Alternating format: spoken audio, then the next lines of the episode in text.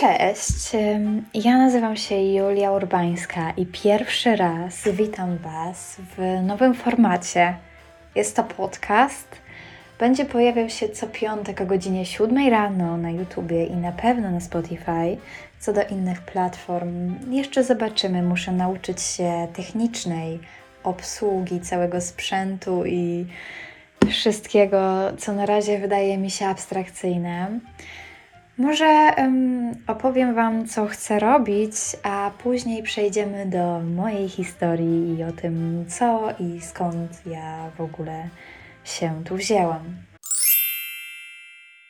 Mój podcast e, będzie mm, rozmową z młodym człowiekiem. Mam takie założenie, żeby rozmawiać e, z ludźmi, którym chce się żyć, którzy tworzą coś, stawiają na siebie, rozwijają się, doglądają swojego sukcesu.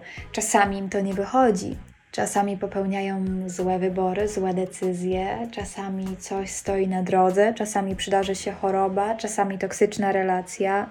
Młodość nie jest prosta i szczerze nikt z nas nie wychodzi z niej bez szwanku o czym już zresztą pisała Osiecka.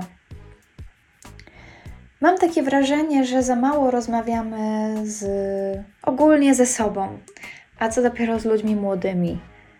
Widziałam podcasty z artystami, z muzykami, z malarzami, z gwiazdami telewizyjnymi, z ekspertami, naukowcami, naukowczyniami, ale bardzo rzadko spotykam rozmowy szarych ludzi rozmowy z Twoją sąsiadką, z mm, panią ekspedientką, z mm, makijażystką. Chciałabym, aby szarość nie była postrzegana jako coś dziwnego. Wszakże wszyscy jesteśmy tacy sami i ulepieni jesteśmy z jednej gliny, jakkolwiek patetycznie by to nie brzmiało. Prawda jest taka, że w niewyjątkowości tkwi właśnie nasza wyjątkowość jako ludzi. I o tym chciałabym przypominać każdego dnia, szczególnie młodym ludziom, którzy głównie są moimi odbiorcami i odbiorczyniami. Chcę przypomnieć, że za sukcesem stoi ciężka praca. Nic nie przychodzi nam łatwo. Jeżeli nam się wydaje, że ktoś dostał jakiś dar losu, dar od Boga czy innego wszechświata, to bardzo się mylimy. Większość sukcesów, czy to w szkole, czy poza nią, spotyka ludzi, którzy bardzo ciężko na te sukcesy pracują. Mają predyspozycje i talent, owszem, Nigdy nic nie przychodzi bez chociażby jednego grama, jednego ziarenka ciężkiej pracy, mobilizacji, jednego wyrzeczenia czy radzenia sobie z krytyką. Czasami inni nie są w stanie znieść tego, że nam się coś udaje. Taki jest świat, taka jest szkoła i musimy sobie z tym radzić nie możemy odpuścić tylko dlatego, że ktoś nam źle życzy. I ja wiem, że to jest trudne. Jeżeli słuchają mnie bardzo młode osoby w wieku mojej siostry, to doskonale wiem, jak to jest. Wtedy rówieśnicy i ich zdanie jest najważniejsze. Ale musicie wiedzieć, że jedyną dobrą inwestycją w waszym życiu jest inwestycja w siebie bo nikt za Was tego życia po prostu nie przeżyje. A uwierzcie mi, że wiem o czym mówię. Byłam tak zwanym uzdolnionym dzieckiem. Dzieckiem utalentowanym w każdej dziedzinie. Uczestniczyłam w konkursach literaturoznawczych, ortograficznych, historycznych, matematycznych, przyrodniczych, medycznych, sportowych. Chociaż w tych ostatnich muszę powiedzieć, że najrzadziej. to jest y, niemożliwe i dzisiaj o tym wiem, aby jedno dziecko było tak samo doskonałe w sporcie, literaturze, ortografii, geografii, biologii, chemii czy fizyce. To znaczy, takie przypadki również się zdarzają i szczerze z całego serca im gratuluję. Ale nie możemy tego traktować jako coś typowego. Przeciętne dziecko, które świetnie się uczy, ma po prostu dobrą pamięć. I wiem o czym mówię, bo przez lata wymagano ode mnie zawsze najlepszych wyników, zawsze nienagannej postawy i zawsze chęci do wzięcia udziału w każdym możliwym konkursie, jaki był organizowany w mojej szkole. To było trudne, bo presja była niesamowita.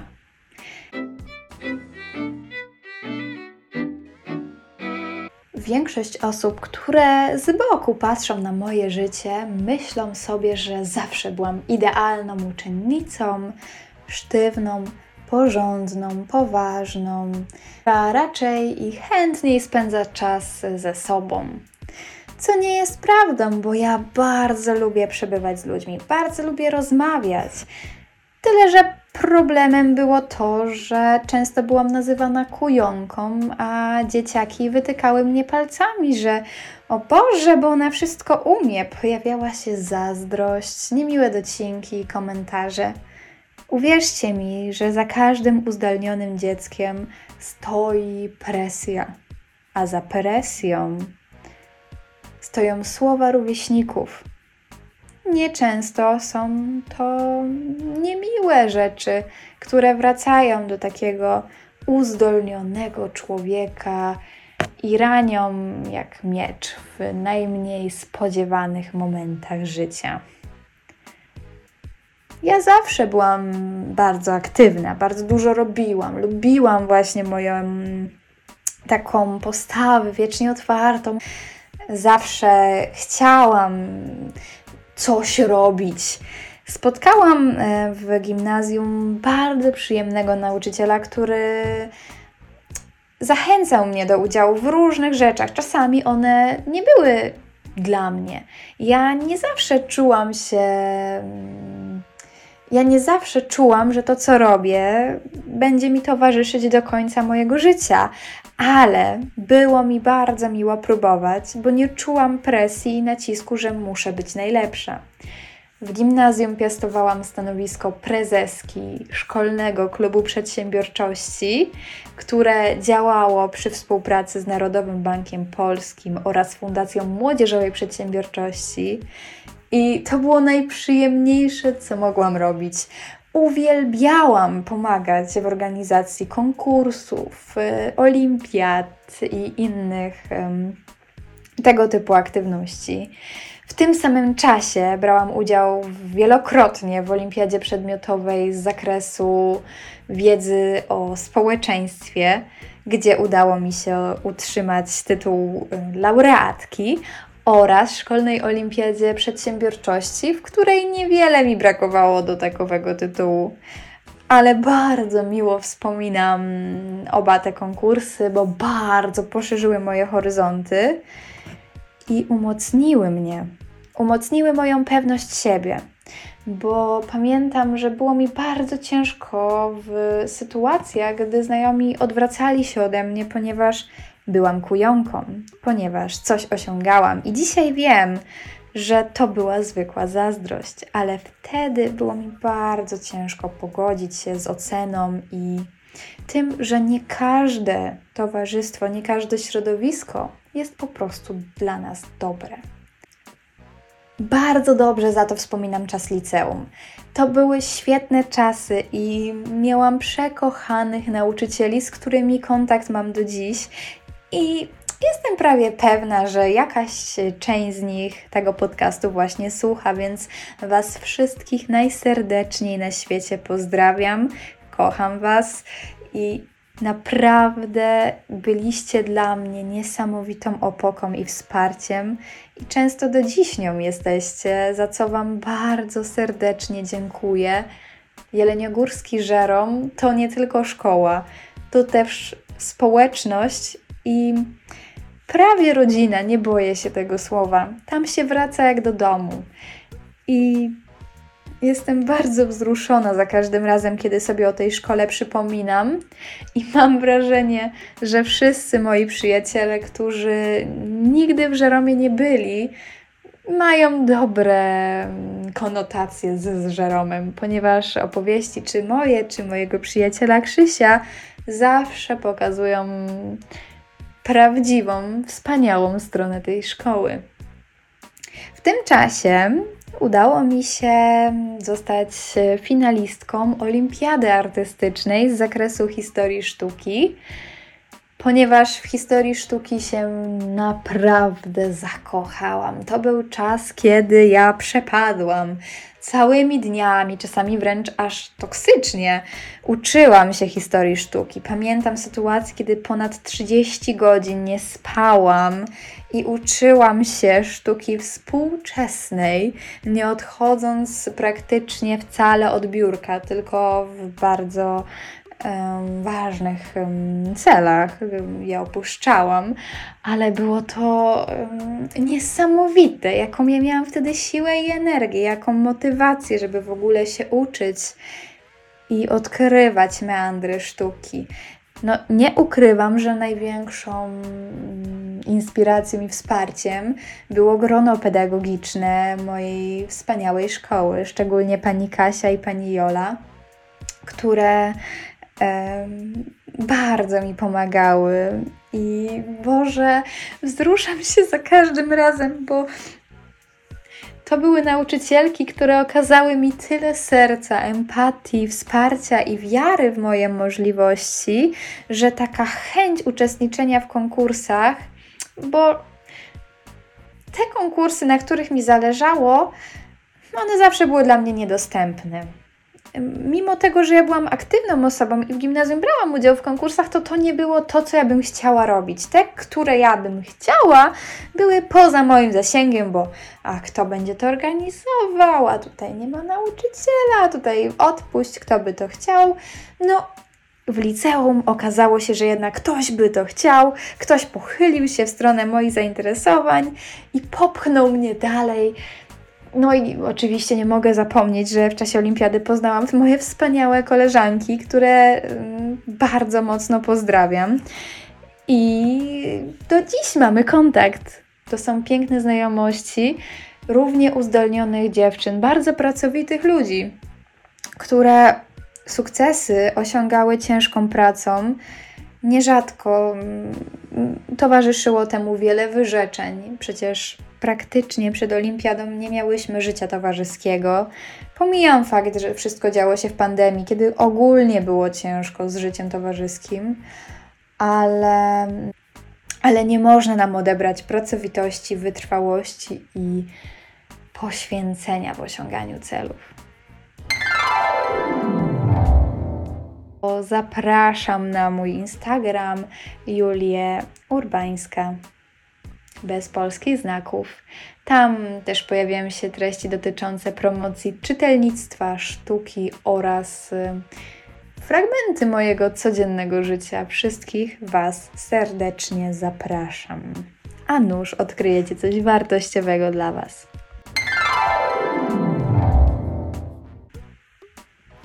Kiedy poszłam na psychoterapię, zrozumiałam, że ludzie mogą mi czegoś zazdrościć. I to coś było czymś, y, co ja traktowałam jako nic, jako coś normalnego, właśnie przez ten fenomen uzdolnionego, utalentowanego dziecka. Dla mnie zawsze było mało. Ja nie znam, nie umiem się cieszyć z mojego sukcesu. Kiedy wygrałam olimpiadę, przyjęłam to na zasadzie, no tak, okej, okay, pocieszyłam się przez chwilę i dalej chciałam się uczyć. Nie umiałam zastopować, no i myślę, że w pewien sposób się wypaliłam, niestety, bo historia sztuki już nie sprawia mi takiej przyjemności, jaką sprawiała mi jeszcze dwa lata temu ale na ten temat na pewno porozmawiam z moją gościnią w przyszłych odcinkach podcastu, więc zapraszam Was serdecznie do słuchania tych rozmów i do obserwowania podcastu. Można ten kanał zasubskrybować oraz zostawić dzwoneczek, aby nic Was nie ominęło. Pamiętajcie o tym. Natomiast czego mi można zazdrościć? Gdy zapytałam się moich przyjaciół, czy jeżeli mieliby mi czegoś zazdrościć, to czego? Urody, pieniędzy, znajomości, przyjaciół, wiedzy, sukcesów. Czego można mi zazdrościć? No i szczerze głosy były podzielone. Troszeczkę na urodę, yy, troszeczkę na wiedzę, ale wszyscy zgadzali się co do tego, że można mi zazdrościć moich sukcesów. Mówią, że idę jak burza, że się nie poddaję, że jestem silna, że się staram. Tylko w ostatnim roku zrobiłam 40 kursów. Staram się uczęszczać w kursach znanych uczelni. Bardzo dużo się dzięki temu uczę. Szlifuję mój warsztat, dowiaduję się czegoś o świecie, nawet jeżeli nie wykorzystam tego w pracy naukowej czy badawczej, to ja jestem zadowolona, bo zawsze czegoś się dowiem i może nawet robię to tylko dlatego, żeby się czegoś więcej dowiedzieć. Nie rozumiem ludzi, którzy uczą się tylko po to, aby zaliczyć egzamin, semestr, rok. Nie rozumiem tego, ponieważ mnie realnie ciekawi świat, realnie interesuje się tym, co sobie wybrałam i staram się poświęcać temu czas i moje możliwości. Bardzo ciepło wspominam na przykład kurs o socjologii miłości, który pozwolił mi zrozumieć lepiej współczesne relacje, rozstania, czasami samotność. Bardzo miłym kursem były te dotyczące programowania, czyli czegoś, co mi mm, dosyć uporządkowało moją matematyczną część umysłu, bo właśnie. Większość ludzi myśli, że ja jestem bardzo humanistyczną, artystyczną duszą. A to nie jest do końca prawda, bo wśród moich zainteresowań wymieniłabym również fizykę kwantową, oraz y, psychologię, które czasami mają więcej wspólnego z matematyką i przyrodą niż z czystą humanistyką, w takim rozumieniu, jaki uznajemy za najpowszechniejszy. W ogóle moi przyjaciele uznają, że byłabym dobrym psychologiem, dobrą psycholożką. Czy ja wiem? Nie mam zielonego pojęcia, aczkolwiek y, lubię słuchać ludzi i uczyć się właśnie od ludzi. To mi sprawia niesamowitą frajdę, niesamowity fan, kiedy mogę posłuchać kogoś i nauczyć się czegoś z jego wiedzy. Podcast jest też mm, jakąś tam formą mojej terapii. Rozmawiania z ludźmi, którzy są tak samo młodzi jak ja, którzy takie same problemy, wątpliwości, przeżycia mają i być może czerpania wniosków, formułowania wniosków. Bardzo mnie to intryguje i zastanawia, do czego w sumie dojdę w czasie tych podcastów. Też nie umiem Wam powiedzieć, jak długo on potrwa, bo może będzie to roczny projekt, może zostanie z nami na dłużej, albo zmieni swoją formę nie lubię zamykać się w szufladki. To mnie drażni i czuję mm, się wtedy bardzo niekomfortowo, kiedy zakładam sobie na przykład, że będę robić to, to i to przez tyle, tyle i tyle i nie mogę robić nic innego. To mnie bardzo blokuje, blokuje moją kreatywność, mój przepływ energii i nie czuję się wtedy w pełni sobą. A to błąd, bo bardzo zawsze chciałabym być sobą i prezentować swoje najlepsze wartości innym. Moim życiowym mottem jest to, że kiedy świeca zapala kolejną świecę, to nic nie traci, dlatego zawsze staram się pomóc wtedy, kiedy mogę i dawać to, co mam najlepsze w sobie. Zawsze chciałabym być w obecności dla innych. Wtedy, kiedy mogę, chcę i czuję taką potrzebę. Bo pamiętajmy, że tonący kapitan nikomu nie pomoże. Dlatego starajmy się zawsze pomyśleć najpierw o sobie i o tym, czy jesteśmy w stanie w ogóle rozmawiać z kimś o czymś trudnym, a dopiero później spróbujmy tej osobie pomóc. Ale nie róbmy tak, że zostawiamy kogoś zupełnie bez pomocy. Ja przynajmniej tak się staram. Kiedy nie czuję się kompetentna do pomocy komuś, zawsze podsyłam coś, czy podaję coś, sugeruję coś, co mogłoby danej osobie pomóc. Czy to będzie kontakt do lekarza, numer telefonu do mm, poradni psychologicznej, czy numer telefonu do kogoś, kto być może ma wiedzę w jakimś temacie, bo nie zawsze są to sprawy trudne i psychologiczne. Mam nadzieję, że ten pierwszy odcinek był dla Was wartościowy. Czegoś może się dowiedzieliście, może uspokoiliście, może nastroiliście mm, się dobrze na ten dzień, albo przyszła do Was taka refleksja, że młodość jest trudna i trzeba się nauczyć dorastać. I nie ma nic złego w popełnianiu błędów, w odnoszeniu sukcesów nawet w zazdrości. Wszystko jest dla ludzi. Najważniejsze w tym wszystkim jest to, aby nie zatracić siebie, nie zgubić swojej tożsamości, nie zniknąć w burzy emocji i zawsze prosić o pomoc wtedy, kiedy czujesz, że toniesz, bo i to zdarza się w życiu. Naprawdę najwięcej trudności sprawiło mi poproszenie kogoś o pomoc, przyznanie przed samą sobą, że ja już po prostu nie daję rady. Jeżeli masz zapamiętać z tego odcinka jedną, jedyną rzecz, to zapamiętaj to, że zawsze, ale to zawsze, warto prosić o pomoc. A płacz czy właśnie taka prośba o pomoc wcale nie jest oznaką słabości.